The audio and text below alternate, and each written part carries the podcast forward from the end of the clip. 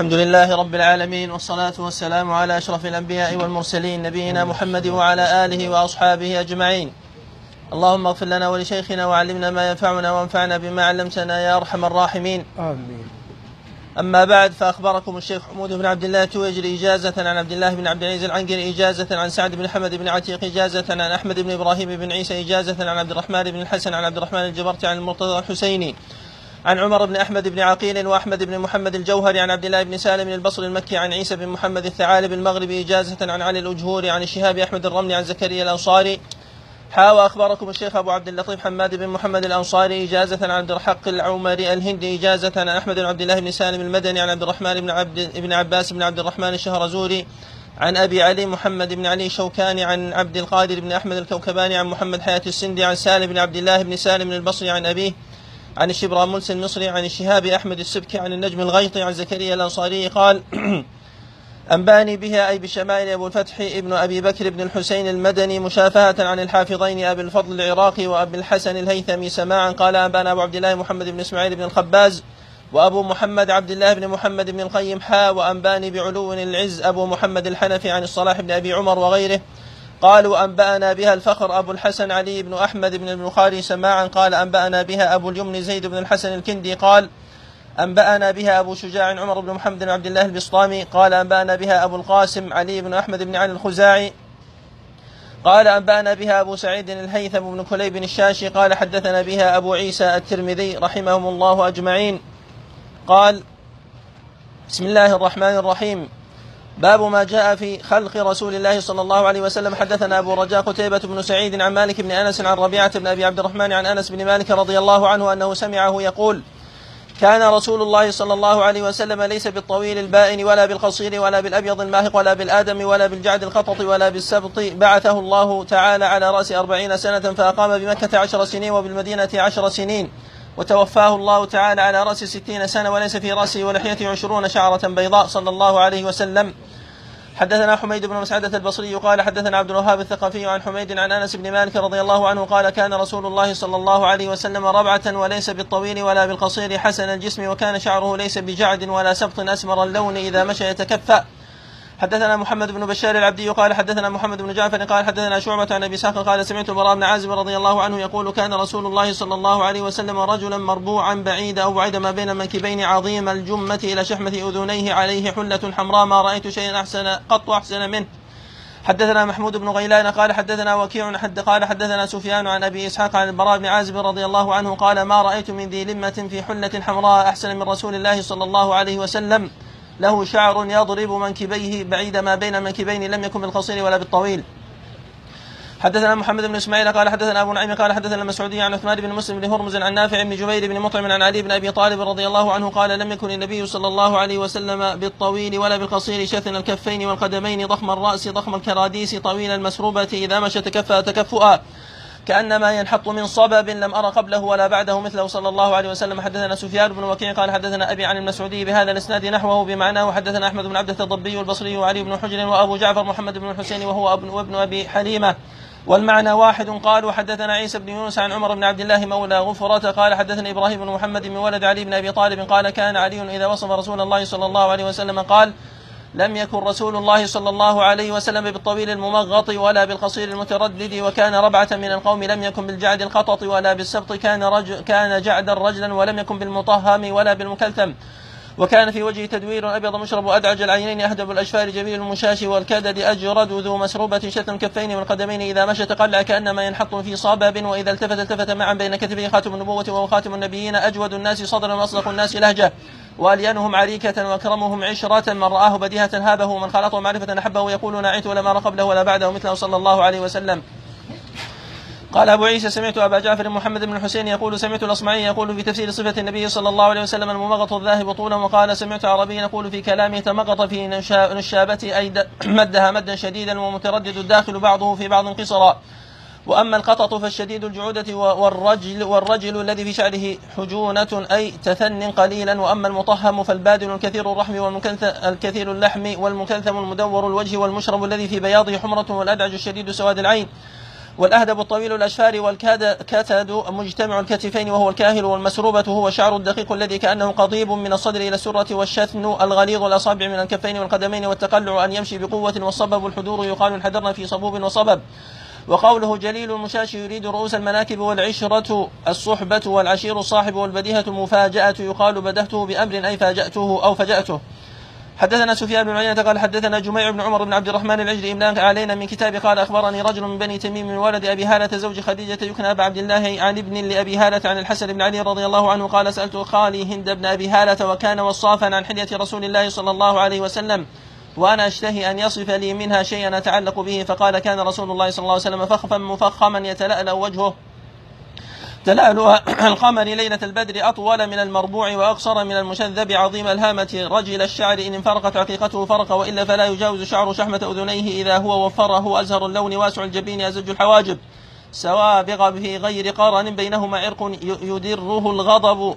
أقنى العدنين له نور يعلوه يحسبه من لم يتأمله أشم كث اللحية سهل الخدين ضليع الفم مفلج الأسنان أشنب دقيق المسروبة كأن عنقه جيدة دمية في صفاء الفضة معتدل الخلق بادن متماسك سواء البطن والصدر عريض الصدر بعيد ما بين المنكبين ضخم الكراديس أنور المتجرد موصول ما بين اللبة والسرة بشعر نجل كالخط عاري الثديين والبطن مما سوى ذلك أشعر الذراعين والمنكبين وأعلى الصدر وطويل الزندين رحب, رحب الراحة شثن الكفين والقدمين سائل الأطراف أو قال شائل الأطراف خمصان الأخمصين خم خمصان الأخمصين مسيح القدمين ينبو عنهما الماء. إذا زال زال قلعا يخطو تكفيا ويمشي هونا. ذريع المشية إذا مشى كأنما ينحط من صبب وإذا التفت التفت جميعا. خافض الطرف نظره إلى الأرض أطول من نظره إلى السماء. جل نظره الملاحظة يسوق أصحابه ويبدأ من لقي بالسلام. حدثنا أبو موسى محمد بن مثنى قال حدثنا محمد بن جعفر قال حدثنا شعبة عن سماك بن حرب قال سمعت جابر بن سمرة رضي الله عنه يقول كان رسول الله رسول الله صلى الله عليه وسلم ضليع الفم أشكل العين منهوس العقب. قال شعبة قلت لسماك ما ضليع الفم؟ قال عظيم الفم. قلت ما أشكل العين؟ قال طويل شق العين. قلت ما منهوس العقب؟ قال قليل لحم العقب.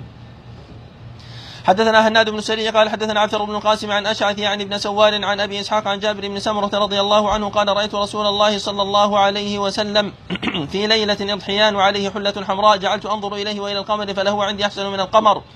حدثنا سفيان بن عيينة قال حدثنا حميد بن عبد الرحمن الرؤاسي عن زهير عن أبي إسحاق قال سأل رجل البراء بن عازب رضي الله عنه أكان وجه رسول الله صلى الله عليه وسلم مثل السيف؟ قال لا بل مثل القمر. حدثنا أبو داود المصاحفي سليمان بن سلم قال حدثنا النضر بن شميل عن صالح بن أبي الأخضر عن ابن شهاب عن أبي سلمة عن أبي هريرة رضي الله عنه قال كان رسول الله صلى الله عليه وسلم أبيض كأنما صيغ من فضة رجل الشعر. حدثنا قتيبة بن سعيد قال أخبرني الليث بن سعد عن أبي الزبير عن جابر بن عبد الله رضي الله عنه أن رسول الله صلى الله عليه وسلم قال عرض علي الأنبياء فإذا موسى عليه السلام ضرب من الرجال كأنه من رجال شنوة ورأيت عيسى بن مريم عليه السلام فإذا أقرب من رأيت به شبها عروة بن مسعود ورأيت إبراهيم عليه السلام فإذا أقرب من رأيت به شبها صاحبكم يعني نفسه ورأيت جبريل عليه السلام فإذا أقرب من رأيت به شبها دحية. خلي تم. حدثنا سفيان وكيع ومحمد بن بشار المعنى واحد. قال أخبرنا يزيد بن هارون عن سعيد الجريري قال سمعت أبا الطفيل يقول رأيت النبي صلى الله عليه وسلم وما بقي على وجه الأرض أحد رآه غيري. قلت صفه لي. قال كان أبيض مليحا مقصدا. حدثنا عبد الله بن عبد الرحمن قال حدثنا إبراهيم المدر الحزامي قال حدثنا عبد العزيز بن أبي ثابت الزهري قال حدثني إسماعيل بن إبراهيم بن أخي موسى بن عقبة عن موسى بن عقبة عن كريب عن ابن عباس رضي الله عنهما قال كان رسول الله صلى الله عليه وسلم أفلج الثنيتين إذا تكلم رؤيا كالنور يخرج من بين ثناياه. نعم أحسنت. بسم الله الرحمن الرحيم. وبه نستعين ونصلي ونسلم على نبينا الأمين وعلى آله وأصحابه والتابعين لهم بإحسان إلى يوم الدين. أما بعد فهذا كتاب الشمائل لأبي عيسى الترمذي رحمه الله تعالى. والمقصود بالشمائل هي الخصال. وهي الأخلاق وهي الصفات. يقال فلان كريم الشمائل أي كريم الأخلاق. فكتب الشمائل يجمع فيها ما يتعلق برسول الله صلى الله عليه وسلم من صفات سواء كانت هذه الصفات خلقية أو خلقية. فكتب الشمائل تجمع فيها الأحاديث الواردة في ذلك في صفات رسول الله صلى الله عليه وسلم الخلقية كما سمعنا قبل قليل في الأحاديث التي قرأناها فيما يتعلق بلونه صلى الله عليه وسلم فيما يتعلق بطوله عليه الصلاة والسلام فيما يتعلق بلباسه فيما يتعلق بعمامته صلى الله عليه وسلم فيما يتعلق بمشيه عليه الصلاة والسلام فيما يتعلق بعمره ووفاته عليه الصلاة والسلام.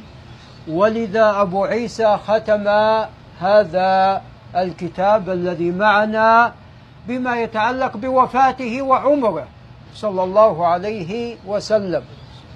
كما أنه تطرق في هذا الكتاب لما يتعلق بأخلاقه عليه الصلاة والسلام. كما أنه أيضا أي أبو عيسى رحمه الله تحدث عما يتعلق بدرعه وسيفه عليه الصلاة والسلام. فالأشياء أو الأمور التي تتعلق به وتتعلق بما أوصى به وتتعلق بما ورثه عليه الصلاة والسلام وفيما يتعلق بصفته وصفاته صفاته الخلقية وصفاته الخلقية. كل هذا هو موضوع كتب الشمائل. ومن أشهر ما ألف في كتب الشمائل الكتاب الذي معنا وهو كتاب الشمائل لأبي عيسى الترمذي. فقد ذكر فيه أكثر من أربعمائة حديث. طبعا النسخ تختلف من حيث العد فبعض النسخ قد يغفلون بعض الآثار فلا يعدونها فلذا الاختلافات يعني يسيرة فيه نحو من أربعمائة حديث وزيادة بعض الشيء من الأحاديث ومن الآثار. واغلبها أحاديث قد ساق أبو عيسى جزءا منها أو عددا كبيرا منها في كتابه الجامع كما سوف يأتي بمشيئة الله تعالى. والغالب على هذا الكتاب هو الصحة. الغالب على هذا الكتاب هو الصحة. فهذا الكتاب فيه كما تقدم أكثر من 400 حديث. كما أنه جعله على خمس وخمسين بابا من الأبواب. نعم. هناك أيضا مؤلفات أخرى قد ألفت في الشمائل ومن هذه المؤلفات كتاب الشمائل لأبي الحسين مس... لأبي الحسين أو عفوا لأبي الحسين البغوي. أو لأبي مسعود الحسين عفوا لأبي مسعود الحسين. البغوي الحسين بن محمد البغوي أو الحسين بن م... لأبي محمد. لأبي محمد الحسين بن مسعود. لأبي محمد الحسين بن مسعود البغوي المتوفى عام ستة عشر وخمسمائة. وكتابه مطبوع بمجلدين. وفيه أكثر من ألف ومئتين حديث. وتقريبا عدد سبعة وخمسين ومائتين وألف من الأحاديث. نعم. ف وجعله على أكثر من مئة باب. هذا من أوسع ما ألف في كتب الشمائل. نعم.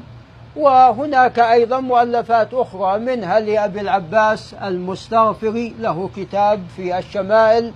منها كتاب أيضا لابن المقرئ الغرناطي. نعم له كتاب في الشمائل. نعم هذه الكتب يعني قد ذكرت في تراجم أصحابها. نعم أو ذكرت عرضا عند التحدث عن كتب الشمائل. ولكن الذي بين أيدينا هو كتاب الشمائل لأبي عيسى الترمذي وهو من أشهرها وكتاب الحسين بن مسعود البغوي. نعم. آه نعم تقدم الكلام على آه موضوع كتب الشمائل. طبعا آه، كتب الشمائل هي يعني نوع من أنواع التصنيف الذي موضوعه علم علم الحديث علم حديث رسول الله صلى الله عليه وسلم. فإن المصنفات في السنة النبوية كثيرة وهي على أنواع متعددة. ولكن هي تقريبا الكتب الحديثية الكبيرة هي على لا تخرج عن أحد أقسام خمسة. إما جوامع كالجامع الصحيح للإمام البخاري أو الجامع لأبي عيسى الترمذي أو سنن كالسنن لأبي داود والنسائي. أو مسانيد كمسند الإمام أحمد أو مسند آه، إسحاق بن راهوية الحنظلي أو مصنفات كمصنف ابن أبي شيبة أو عبد الرزاق أو معاجم كمعاجم الطبراني وبالذات المعجم الكبير والأوسط والصغير. نعم. فالكتب الحديثية الجامعة لا تخلو من هذه من أحد هذه الأقسام الخمسة.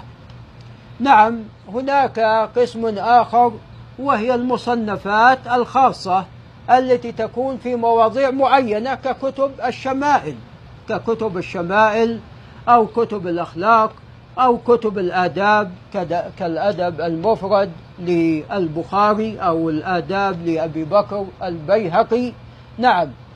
ف يعني هناك كتب في مؤلفات في مواضيع معينة من آه، السنة النبوية. نعم نأتي إلى الحكم على الأحاديث التي قرأت. نعم. فالباب الأول قال باب ما جاء في خلق رسول الله صلى الله عليه وسلم. وتقدم أن هذا موضوع كتب الشمائل. وثم ساق بإسناده أي أبو عيسى إلى أنس بن مالك وهذا الحديث إسناده صحيح ورجاله كلهم ثقات وقد خرج أبو عيسى هذا الحديث في كتابه الجامع وقال عنه حسن صحيح وقد خرجه الشيخان. وهو حديث أنس بن مالك رضي الله عنه في بيان صفة رسول الله صلى الله عليه وسلم الخلقية. نعم ثم ساق الحديث الثاني وهو حديث صحيح أيضا وقد حكم عليه أبو عيسى بذلك فقال حديث حسن صحيح غريب.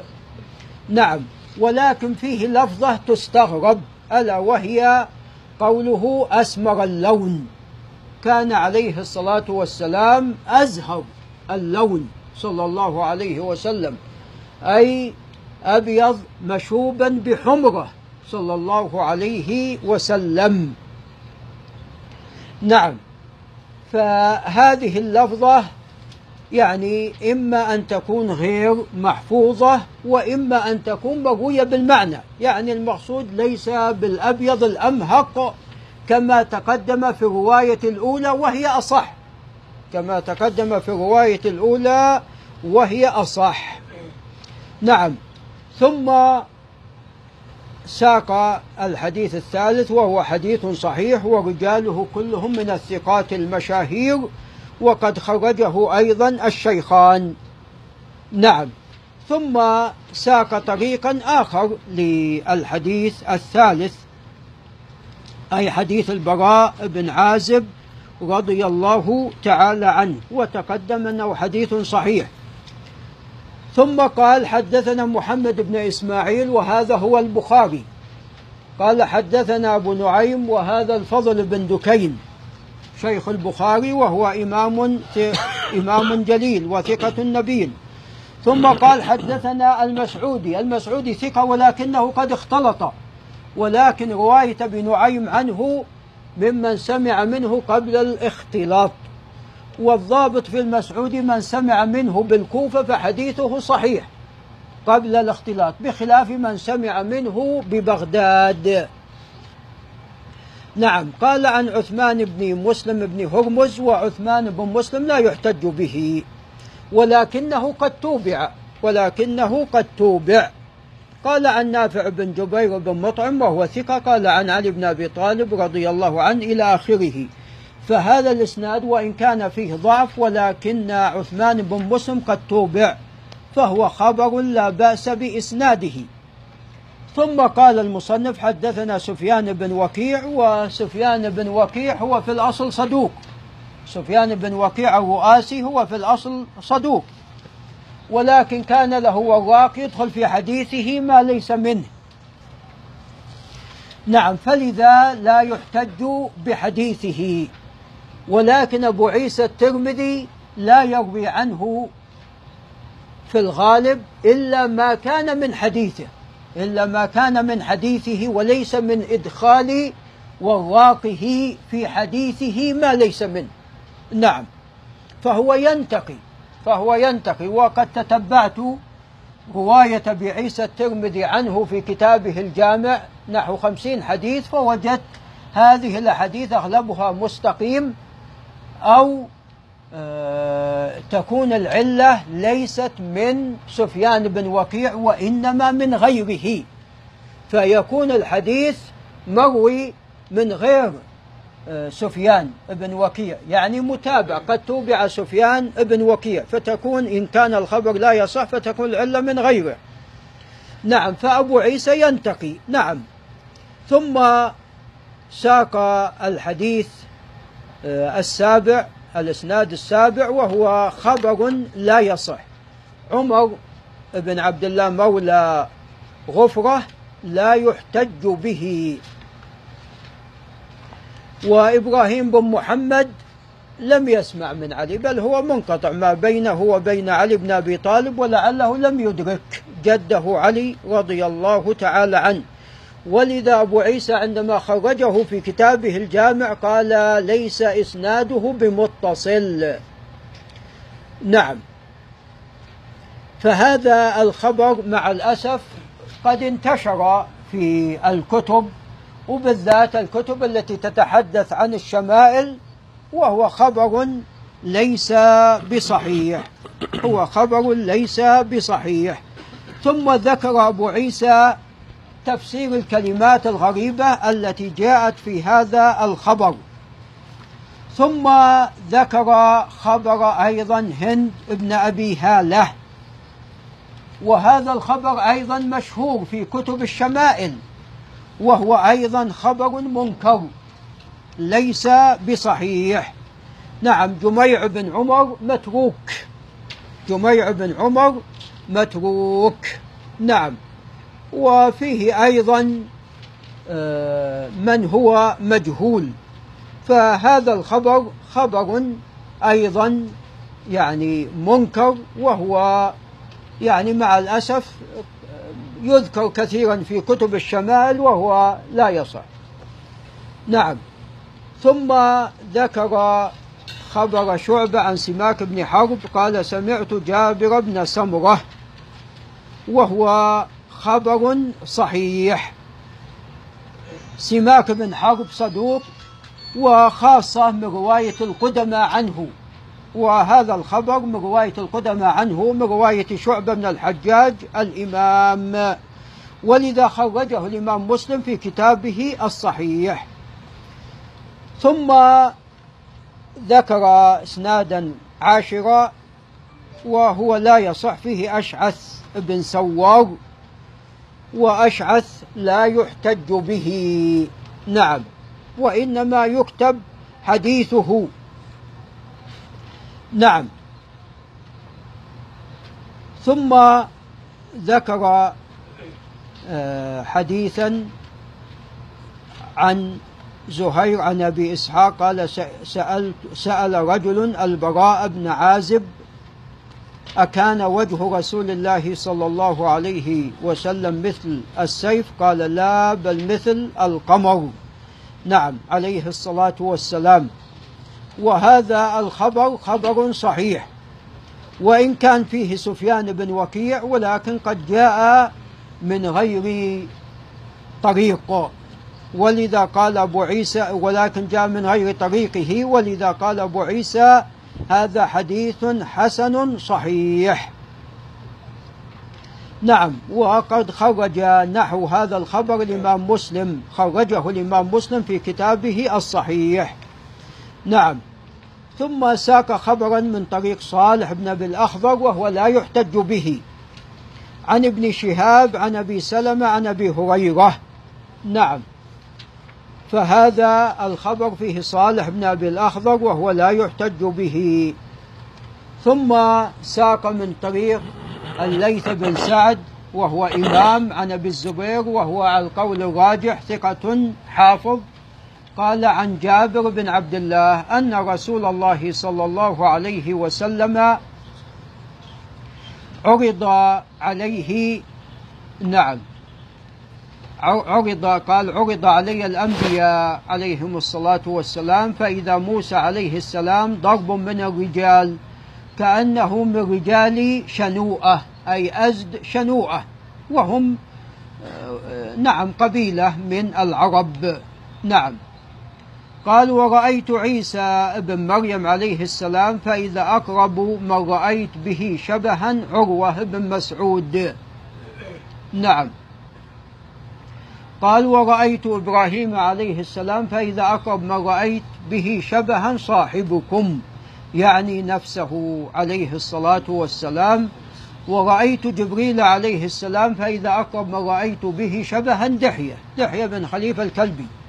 وطبعا يعني هذا التشبيه من باب تقريب الأمر للسامع. من باب تقريب الأمر للسامع. نعم. والقرآن تعلمون القرآن العظيم قد وصف لنا ربنا عز وجل أشياء كثيرة في القرآن العظيم. حتى وصف الشيطان. عفوا عند شجرة الزقوم كأنها ماذا؟ رؤوس الشياطين. الشيطان هل رؤي الشيطان ولا لم يرى؟ الشيطان لم يرى لكن لأن الشيطان قد تقرر عند الناس أنه ماذا؟ الرفاعي أنه شيطان قبيح. فلذا شجرة الزقوم هي أقبح ماذا؟ الأشجار كأنها رؤوس الشياطين. كأنها رؤوس الشياطين ووصف الله عز وجل لنا الجنة ووصف عز وجل لنا الحور العين. ولذا الرسول عليه الصلاة والسلام كلامه تفسير للقرآن العظيم. فلذا وصف لنا أشباه هؤلاء الأنبياء الكرام عليهم الصلاة والسلام من إبراهيم وموسى وعيسى بل حتى جبريل عليه السلام.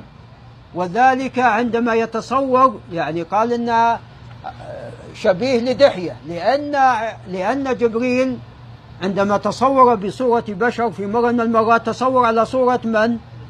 دحية الكلبي. تصور على صورة دحية الكلبي.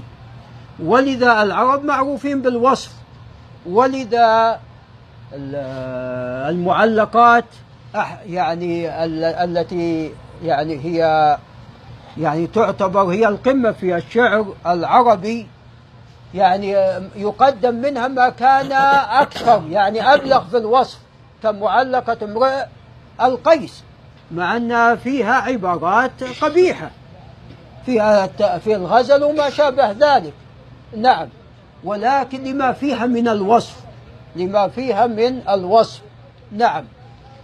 فلذا مما يقرب الأمر. نعم هذا الوصف فيه تقريب للأمر وللسامع. وهذه الطريقة من أحسن طرق التعليم. وقد أعطي عليه الصلاة والسلام يعني الغاية البشرية في تعليم الناس.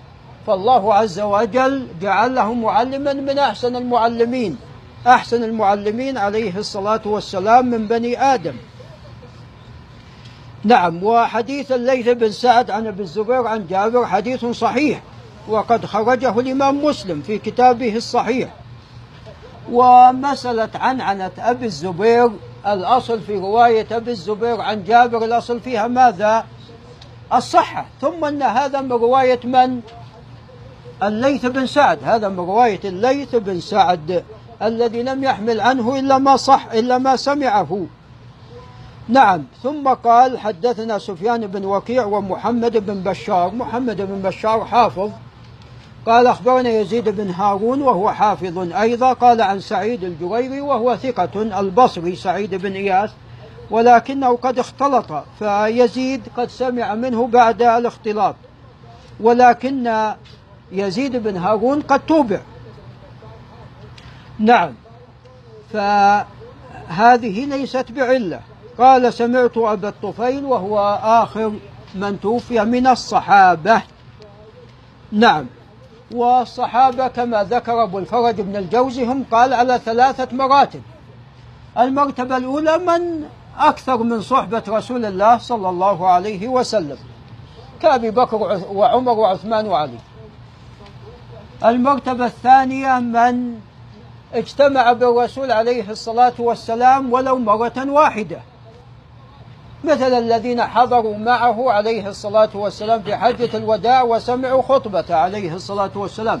فهؤلاء صحابة. لأن الصحبة حتى ولو كانت لحظات طالت أم قصرت.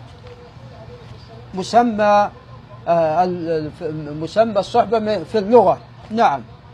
القسم الثالث من رآه رؤية فقط. وهذا أيضا يسمى صحابي.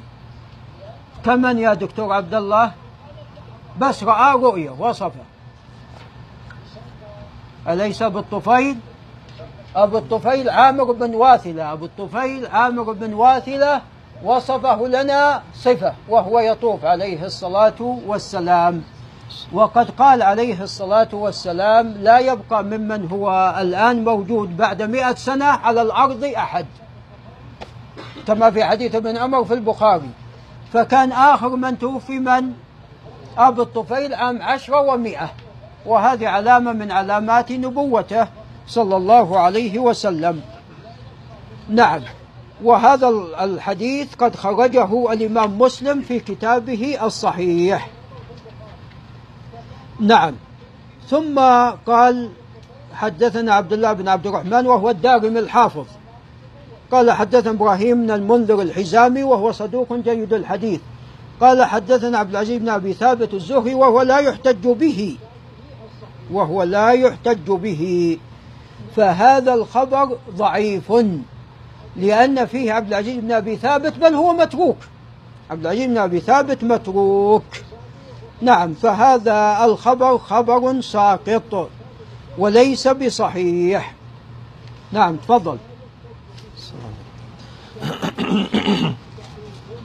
باب ما جاء في خاتم النبوة. حدثنا أبو رجاء قتيبة بن سعيد قال حدثنا حاتم بن إسماعيل عن الجعد بن عبد الرحمن قال سمعت سائب بن يزيد رضي الله عنه قال ذهبت بخالتي إلى النبي صلى الله عليه وسلم فقالت يا رسول الله إن ابن أختي وجع فمسح رأسي ودعا لي بالبركة وتوضأ فشربت من وضوئه وقمت خلف ظهره فنظرت إلى الخاتم بين كتفيه فإذا هو مثل زر الحجلة حدثنا سعيد بن يعقوب الطالقاني قال حدثنا أيوب بن جابر عن سماك بن حرب عن جابر بن سمرة رضي الله عنه قال رأيت الخاتم بين كتفي رسول الله صلى الله عليه وسلم غدة حمراء مثل بيضة الحمامة. حدثنا أبو مصعب المديني قال حدثني يوسف بن الماجشون عن أبيه عن عاصم بن عمر بن قتادة عن جدته رميته رضي الله عنها قال سمعت رسول الله صلى الله عليه وسلم ولو أشاء أن أقبل الخاتم الذي بين كتفيه من قربه لفعلت. يقول لسعد بن معاذ رضي الله عنه يوم ما اهتز له عرش الرحمن حدثنا أحمد بن عبده الضبي وعلي بن حجر وغير واحد قالوا حدثنا عيسى بن يونس عن عمر بن عبد الله مولى غفرة قال حدثنا إبراهيم بن محمد بن ولد علي بن أبي طالب قال كان علي رضي الله عنه إذا وصف رسول الله صلى الله عليه وسلم فذكر الحديث بطوله وقال بين كاتفيه خاتم النبوة وهو خاتم النبيين.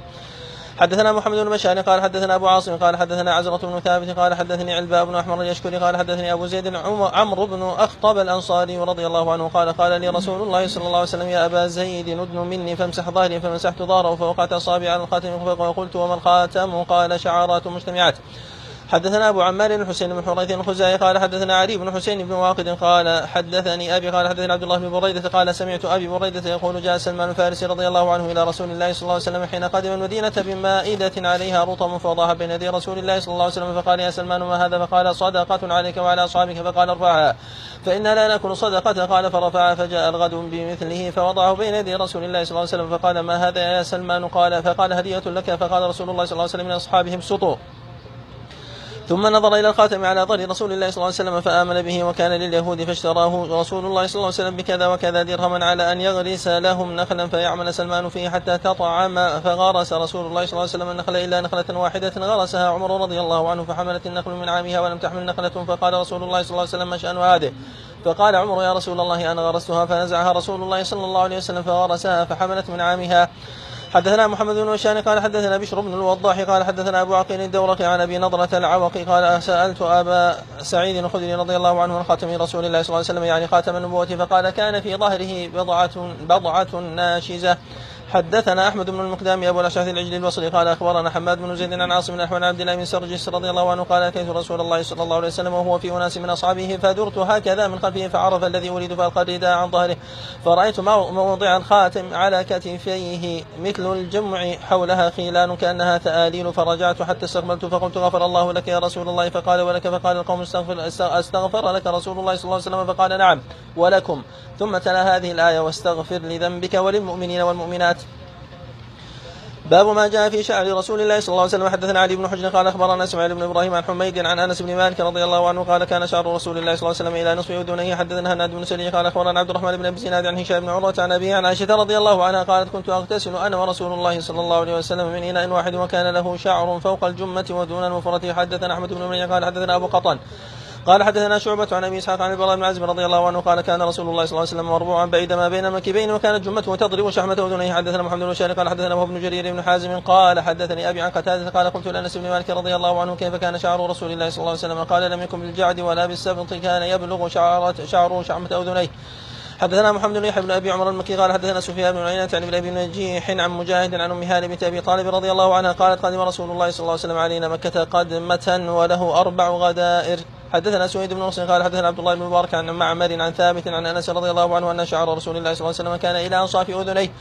حدثنا سويد بن نصر قال حدثنا عبد الله بن مبارك عن يونس بن يزيد عن الزهري عن قال قال حدثنا عبيد الله بن عبد الله بن عتبة عن ابن عباس رضي الله عنهما أن رسول الله صلى الله عليه وسلم كان يسدل شعره وكان المشركون يفرقون رؤوسهم وكان أهل الكتاب يسدلون رؤوسهم وكان يحب موافقة أهل الكتاب فيما لم يؤمر فيه بشيء ثم فرق رسول الله صلى الله عليه وسلم رأسه. حدثنا محمد بن بشار قال حدثنا عبد الرحمن بن مهدي عن إبراهيم بن نافع المكي عن ابن أبي نجيح عن مجاهد عن هاني رضي الله عنها قالت رأيت رسول الله صلى الله عليه وسلم ذا ضفائر أربع. باب ما جاء في ترجل رسول الله صلى الله عليه وسلم. حدثنا إسحاق بن موسى الأنصاري وقال حدثنا معن بن عيسى قال حدثنا مالك بن أنس عن هشام بن عروة عن أبيه عن عائشة رضي الله عنها قالت كنت أرجل رأس رسول الله صلى الله عليه وسلم وأنا حائض. حدثنا يوسف بن عيسى قال حدثنا مكي قال حدثنا الربيع بن صبيح عن يزيد بن أبان وهو هو الرقاشي عن أنس بن مالك رضي الله عنه قال كان رسول الله صلى الله عليه وسلم يكثر دهن رأسه وتسريح لحيته ويكثر القناع. الحمد الله. حتى كأن ثوبه ثوب زيات. حدثنا هناد بن سري قال حدثنا أبو الأحوص عن الأشعث بن أبي الشعثاء عن ابيه عن مسروق عن عائشة رضي الله عنها قالت إن كان رسول الله صلى الله عليه وسلم لا يحب التيمم في طهوره إذا تطهر وفي ترجله إذا ترجل وفي انتعاله إذا انتعال. حدثنا محمد بن بشار قال حدثنا بن سعيد عن هشام بن حسان عن الحسن عن عبد الله بن مغفل رضي الله عنه قال نهى رسول الله صلى الله عليه وسلم عن الترجل إلا غبا. حدثنا الحسن بن عرفة قال حدثنا عبد السلام بن حرب عن يزيد بن أبي خالد عن أبي العلاء الأودي عن حميد بن عبد الرحمن عن رجل من أصحاب النبي صلى الله عليه وسلم أن النبي صلى الله عليه وسلم كان يترجل غبا. باب ما جاء في شيب رسول الله صلى الله عليه وسلم. حدثنا محمد بن بشار قال حد أخبرنا أبو داود قال أخبرنا همام عن قتادة قال قلت لأنس بن مالك رضي الله عنه أن خضب رسول الله صلى الله عليه وسلم قال لم يبلغ ذلك إنما كان شيبا في صدغيه ولكن أبو بكر رضي الله عنه خضب بالحناء والكتم. حدثنا إسحاق بن منصور ويحيى بن موسى قال حدثنا عبد الرزاق عن معمر عن ثابت عن أنس رضي الله عنه قال ما عدت في رأس رسول الله صلى الله عليه وسلم ولحيته إلا أربع شعرات إلا أربع عشرة شعرة بيضاء. حدثنا محمد بن المثنى قال أخبرنا أبو داود قال حدثنا شعبة عن سماك بن حرب قال سمعت جابر بن سمرة سئل عن شيب رسول الله صلى الله عليه وسلم فقال كان إذا دهن رأسه لم يرى منه شيء وإذا لم يتن رؤيا منه حدثنا محمد بن عمرو بن الوليد الكنت الكوفي قال حدثنا يحيى بن آدم عن شريك عن عبيد الله بن عمر عن نافع بن عمر قال إنما كان شيب رسول الله صلى الله عليه وسلم نحو من من عشرين شعرة بيضاء حدثنا أبو كريب محمد عليه قال حدثنا معاويه بن هشام عن شيبان عن أبي إسحاق عن عكرمة عن ابن عباس رضي الله عنه قال قال أبو بكر رضي الله عنه يا رسول الله قد شبت قال شيبتني هود والواقعة والمرسلات وعما يتساءلون وإذا الشمس كورت. حدثنا سفيان بن وكيع قال حدثنا محمد بن بشير عن علي بن صالح عن أبي إسحاق عن أبي جحيفة رضي الله عنه قال قالوا يا رسول الله نراك قد شبت قال شيبتني هود واخواتها حدثنا علي بن حجر قال حدثنا شعيب بن صفوان عن عبد الملك بن عمير عن إياد بن لقيط العجلي عن أبي رمثة التيمي تيم الرباب أو الرباب قال رضي الله عنه قال أتيت النبي صلى الله عليه وسلم ومعي ابن لي فقال فأريته فأريته فقلت لما رأيته هذا نبي الله صلى الله عليه وسلم عليه ثوبان أخضران وله شعر قد علاه الشيب وشيبه أحمر. حدثنا أحمد بن منيع قال حدثنا سريج بن النعمان قال حدثنا حماد بن سلمة عن سماك بن حرب قال قيل لجابر بن سمرة رضي الله عنه كان في شعر رسول الله صلى الله عليه وسلم شيب قال لم يكن في رأس رسول الله صلى الله عليه وسلم شيب إلا شعرات في مفرق رأسه إذا ادهن واراهن الدهن. باب ما جاء في خضاب رسول الله صلى الله عليه وسلم. حدثنا أحمد بن منيع قال حدثنا هشيم قال حدثنا عبد الملك بن عمير عن اياد بن لقيط قال أخبرني أبو رمثة رضي الله عنه قال أتيت رسول الله صلى الله عليه وسلم مع ابن لي فقال ابنك هذا؟ فقلت نعم أشهد به. قال لا يجني عليك ولا تجني علي. قال ورأيت الشيب أحمر. قال أبو عيسى هذا أحسن شيء روي في هذا الباب. وأفسر لأن الروايات الصحيحة أن النبي صلى الله عليه وسلم لم يبلغ الشيب قال وأبو رمثة اسمه رفاعة بن يثربي التيمي. حدثنا سفيان بن وكيع قال حدثنا أبي عن شريك عن عثمان بن موهب قال سئل أبو هريرة رضي الله عنه هل خضب رسول الله صلى الله عليه وسلم؟ قال نعم. قال أبو عيسى وروى أبو عوانة هذا الحديث عن عثمان عن عثمان بن عبد الله بن موهب فقال عن ام سلمه حدثنا إبراهيم بن هارون قال أنبأنا النضر بن زرارة عن أبي جناب عن إياد بن لقيط عن الجهدمة امرأة بشير بن الخصاصية قالت أنا رأيت رسول الله صلى الله عليه وسلم يخرج من بيته ينفض رأسه وقد اغتسل وبراسه ردع أو قال ردغ من حناء شك في هذا الشيخ والشيخ والشك هو لإبراهيم بن هارون. حدثنا إبراهيم عبد الله بن عبد الرحمن قال حدثنا عمرو بن عاصم قال حدثنا حماد بن سلمة قال حدثنا حميد بن أنس رضي الله عنه قال رأيت شعر رسول الله صلى الله عليه وسلم مخضوما قال حماد أخبرنا عبد الله بن محمد بن عقيل قال رأيت شعر رسول الله صلى الله عليه وسلم عند أنس بن مالك رضي الله عنه مخضوما باب ما جاء في كحل رسول الله صلى الله عليه وسلم. نعم أحسنت. نعم قال المصنف رحمه الله تعالى باب ما جاء في خاتم النبوة. وهذه علامة من علامات نبوته صلى الله عليه وسلم وعلامات نبوته ودلائل رسالته كثيرة عليه الصلاة والسلام. وعلى رأسها القرآن العظيم المعجزة الباقية على مدى الدهر. ومن هذه المعجزات ما يتعلق بصفة ومن هذه الدلائل عفوا ما يتعلق بصفة خلقه عليه الصلاة والسلام. فربنا عز وجل جعله على أكمل صورة عليه الصلاة والسلام. فهذه علامة من علامات آه، نبوته ورسالة عليه الصلاة والسلام ومن ذلك خاتم النبوة الذي هو في ظهره عليه الصلاة والسلام عند كتفه وهو مثل زر الحجلة يعني كقدر بيضة الحمام. نعم. فهذا هو المقصود بخاتم النبوة. هذا هو المقصود بخاتم النبوة. فقد جاءت الإخبارات بأن من علاماته هذه العلامة التي هي عند كتفه عليه الصلاة والسلام. ولذا كان بعض من يأتي إليه عليه الصلاة والسلام يأتي يبحث عن هذه العلامة. حتى يتأكد من نبوته عليه الصلاة والسلام وهو النبي الكريم والمرسل من قبل الله عز وجل. كما أن من علامات نبوته عليه الصلاة والسلام أخباراته الكثيرة ودلائله العديدة. نعم. ف وقد ألفت الكتب الكثيرة في ذلك ومن أوسعها دلائل النبوة للبيهقي. نعم ثم روى عن السائب بن يزيد رضي الله تعالى عنه بإسناد جيد. حاتم بن إسماعيل صدوق جيد الحديث. نعم ولذا قال المصنف عن هذا الحديث قال حديث حسن صحيح. نعم وقد خرجه الإمام البخاري في كتابه الصحيح والإمام مسلم. نعم.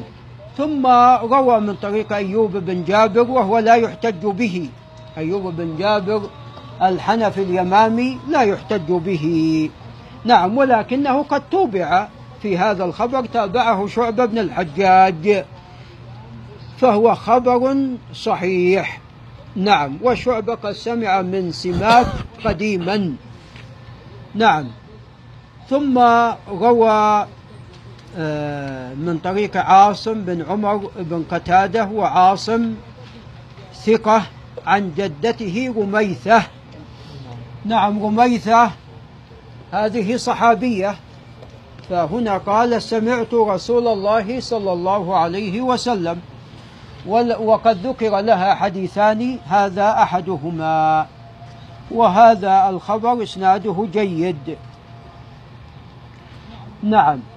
ثم ساق خبرا قد تقدم فيه عمر مولى غفرة وهو لا يحتج به.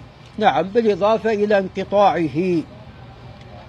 ثم ساق خبرا من طريق الباء بن أحمر اليشكري. قال حدثني أبو زيد عمرو بن أخطب الأنصاري. قال قال لي رسول الله صلى الله عليه وسلم يا أبا زيد ادن ادن مني فامسح ظهري فمسحت ظهره ظهره عليه الصلاة والسلام. فمسحت ظهره عليه الصلاة والسلام فوقعت أصابعي على الخاتم. قلت وما الخاتم؟ قال شعرات مجتمعات. نعم عليه بعض الشعرات على هذا الموضع الذي هو ناتئ كبيضة الحمامة.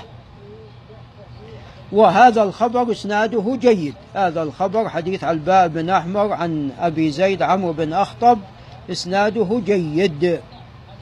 ثم ساق من طريق علي بن حسين بن واقد وعندي أنه لا بأس به. نعم. قال حدثني أبي وهو حسين بن واقد جيد الحديث. قال حدثني عبد الله بن بريدة وهو ثقة. قال سمعت أبي بريدة أي ابن الحصيب. نعم. وعبد الله بن بريدة على القول الراجح قد سمع من أبيه وإن كان الإمام البخاري قد توقف بعض الشيء في سماعه من أبيه ولكن قد خرج له في كتابه الصحيح عن أبيه. ويكفينا أنه قد عاصر من حياة أبيه نحو أربعين سنة وهو ابنه. ويعني يبعد عقلا ألا يأتي الولد إلى أبيه ويسأل أبيه ويسمع من أبيه هذا بعيد. نعم. هذا بالإضافة إلى أنه في بعض الأخبار قد صرح بالسماع كما في هذا الخبر الذي معنا. نعم قال جاء سلمان الفارسي إلى رسول الله صلى الله عليه وسلم حين قدم المدينة بمائدة عليها رطب. فوضعها بين يدي رسول الله صلى الله عليه وسلم فقال يا سلمان ما هذا؟ قال صدق صدقة عليك وعلى أصحابك. فقال ارفعها فإن لا نأكل الصدقة.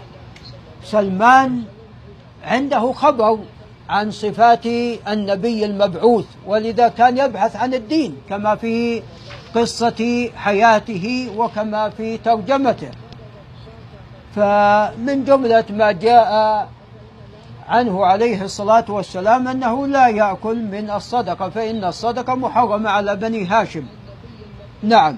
فلذا سلمان أراد أن يتأكد فقال لرسول الله عليه الصلاة والسلام هذه صدقة فقال إن لا نأكل الصدقة. قال فجاء الغد بمثله فوضعه بين يدي رسول الله صلى الله عليه وسلم فقال هذه هدية فأكل منها عليه الصلاة والسلام. ثم نظر إلى الخاتم على ظهر رسول الله صلى الله عليه وسلم فآمن به. هذه ثلاثة علامات. عند سلمان وجدها برسول الله صلى الله عليه وسلم فآمن به. نعم. وهذا الخبر خبر إسناده لا بأس به كما تقدم. ثم ساق من طريق أبي نضرة العوقي وهو المنذر بن مالك بن قطعة العوقي وهو ثقة. قال سألت أبا سعيد الخدري عن خاتم رسول الله صلى الله عليه وسلم يعني خاتم النبوة. الخاتم خاتمان. خاتم النبوة والخاتم ماذا؟ الذي يلبس في اليد. فهنا السؤال عن الأول ولا الثاني؟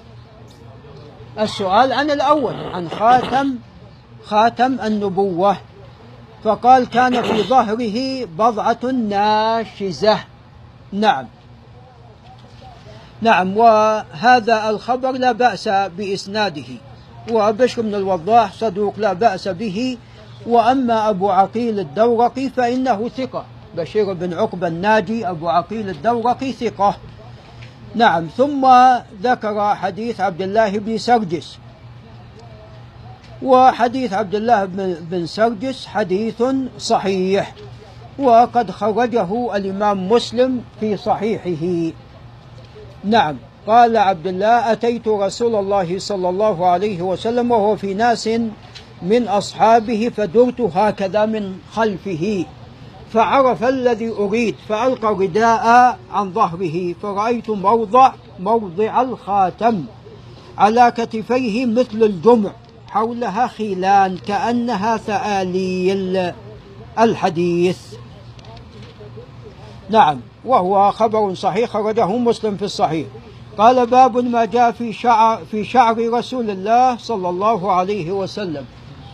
وتقدم أن الشمائل تتحدث عن ما يتعلق بصفاء بصفاته الخلقية ومن ذلك شعره وطوله وقصره. ولذا ساق هنا ما يتعلق بذلك فقال حدثنا علي بن حجر وهو ثقة جليل قال أخبرنا إسماعيل بن إبراهيم وهو بن علي الحافظ. قال عن حميد وهو الطويل ثقة عن أنس بن مالك الصحابي الجليل قال كان شعر رسول الله صلى الله عليه وسلم إلى نصف أذنيه وهذا خبر صحيح وهو ثابت في الصحيح. نعم. ثم روى من طريق عبد الرحمن بن أبي الزناد وهو صدوق على تفصيل في حديثه. قال عن هشام بن عروة عن أبيه عن عائشة قال قالت كنت أغتسل أنا ورسول الله صلى الله عليه وسلم من إناء واحد وكان له شعر فوق الجمة ودون الوفرة. عليه الصلاة والسلام. نعم طبعا هذا الخبر قال أبو عيسى هذا حديث حسن صحيح غريب. نعم. ووجه الغرابة هو تفرد والله أعلم عبد الرحمن بن أبي الزناد بهذا الخبر. نعم. وهذا الخبر أنا أذهب إلى ما ذهب إليه أبو عيسى أنه لا بأس به والنصوص الأخرى تدل عليه. نعم. ثم ذكر خبر البراء بن عازب وقد تقدم وهو خبر صحيح. ثم ذكر حديث قتادة عن أنس قال كيف كان شعر رسول الله صلى الله عليه وسلم؟ قال لم يكن بالجعد ولا بالصبط كان يبلغ شعره شحمة أذنيه وهذا خبر صحيح قد خرجه الشيخان. نعم ثم ساق من طريق ابن أبي نجيع عن مجاهد عن أم هانئ وهذا ورواة هذا الإسناد كلهم ثقات. لكن مجاهد قال البخاري لا يعرف له سماع من أم ماذا؟ من أم هانئ فهو إذا يعني احتمال الانقطاع في هذا الخبر هو الأظهر والله أعلم. فطبعا في فرق بين لم يسمع وبين لا أعرف له سماعا. نعم. وتعلمون أن من شروط الخبر الصحيح لابد أن يثبت السماع وهنا السماع مشكوك فيه. نعم. فإذا له أربع غدائر هذا لم يثبت. ثم ذكر حديث أنس أن شعر رسول الله صلى الله عليه وسلم كان إلى أنصاف أذنيه. نعم. وهذا رجاله ثقات ولكن تكلم في رواية معمر عن ثابت والأصل أنها صحيحة. لعل الشيخ اسلام ينتبه الأصل في رواية معمر عن ثابت الأصل فيها الصحة. نعم فهذا الخبر ثابت. نعم ثم روى بإسناد صحيح عن ابن عباس أن الرسول صلى الله عليه وسلم كان يسدل شعره وكان المشرك المشركون يفرقون رؤوسهم. وكان أهل الكتاب يسدلون رؤوسهم وكان يحب موافقة أهل الكتاب فيما لم يؤمر فيه بشيء ثم فرق رسول الله صلى الله عليه وسلم رأسه. نعم. فهذا الخبر قد اتفق الشيخان على صحته وإسناد الترمذي إسناد صحيح. نعم. ثم روى حديث هانة وتقدم أنه لم يثبت. ثم قال باب ما جاء في ترجل رسول الله صلى الله عليه وسلم. والترجل هو دهن الشعر وتمشيطه. هذا هو المقصود بالترجل. والترجل قد جاء النهي عنه إلا غبا. يعني إذا كان الإنسان كل يوم بيدهن شعره وبينظفه وبيفعل ويفعل راح يشغل عن ماذا؟ راح يشغل عن أشياء أهم. فلذا جاء النهي عن الترجل إلا غبا وهذا لمن كان شعره طويلا. نعم.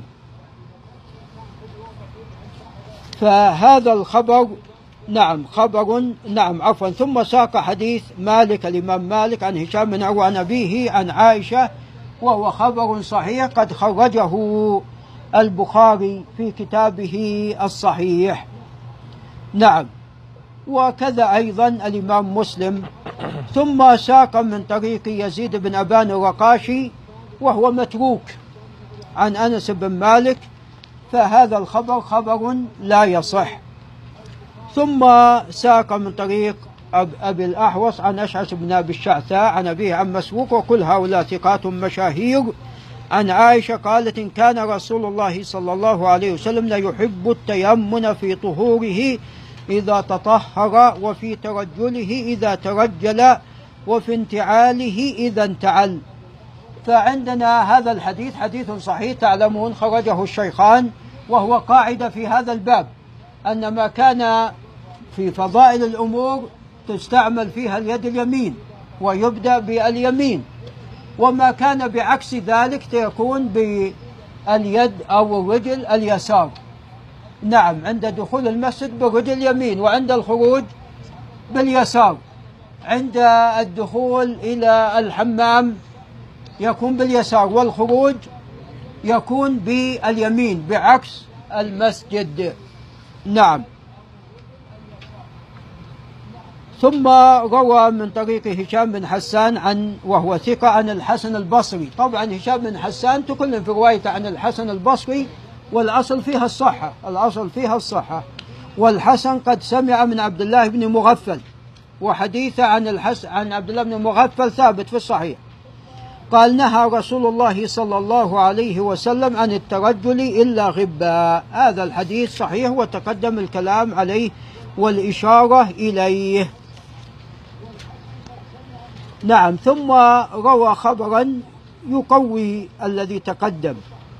وهو من طريق حميد بن عبد الرحمن عن رجل من أصحاب النبي صلى الله عليه وسلم أن النبي عليه الصلاة والسلام كان يترجل غبا طبعا هذا الإسناد لا يصح هذا الإسناد لا يصح ولكن أصل هذا الحديث قد جاء بإسناد صحيح لا يصح من أجل أبي خالد الدالاني لا يحتج به ولكن أصل هذا الحديث قد جاء بإسناد صحيح.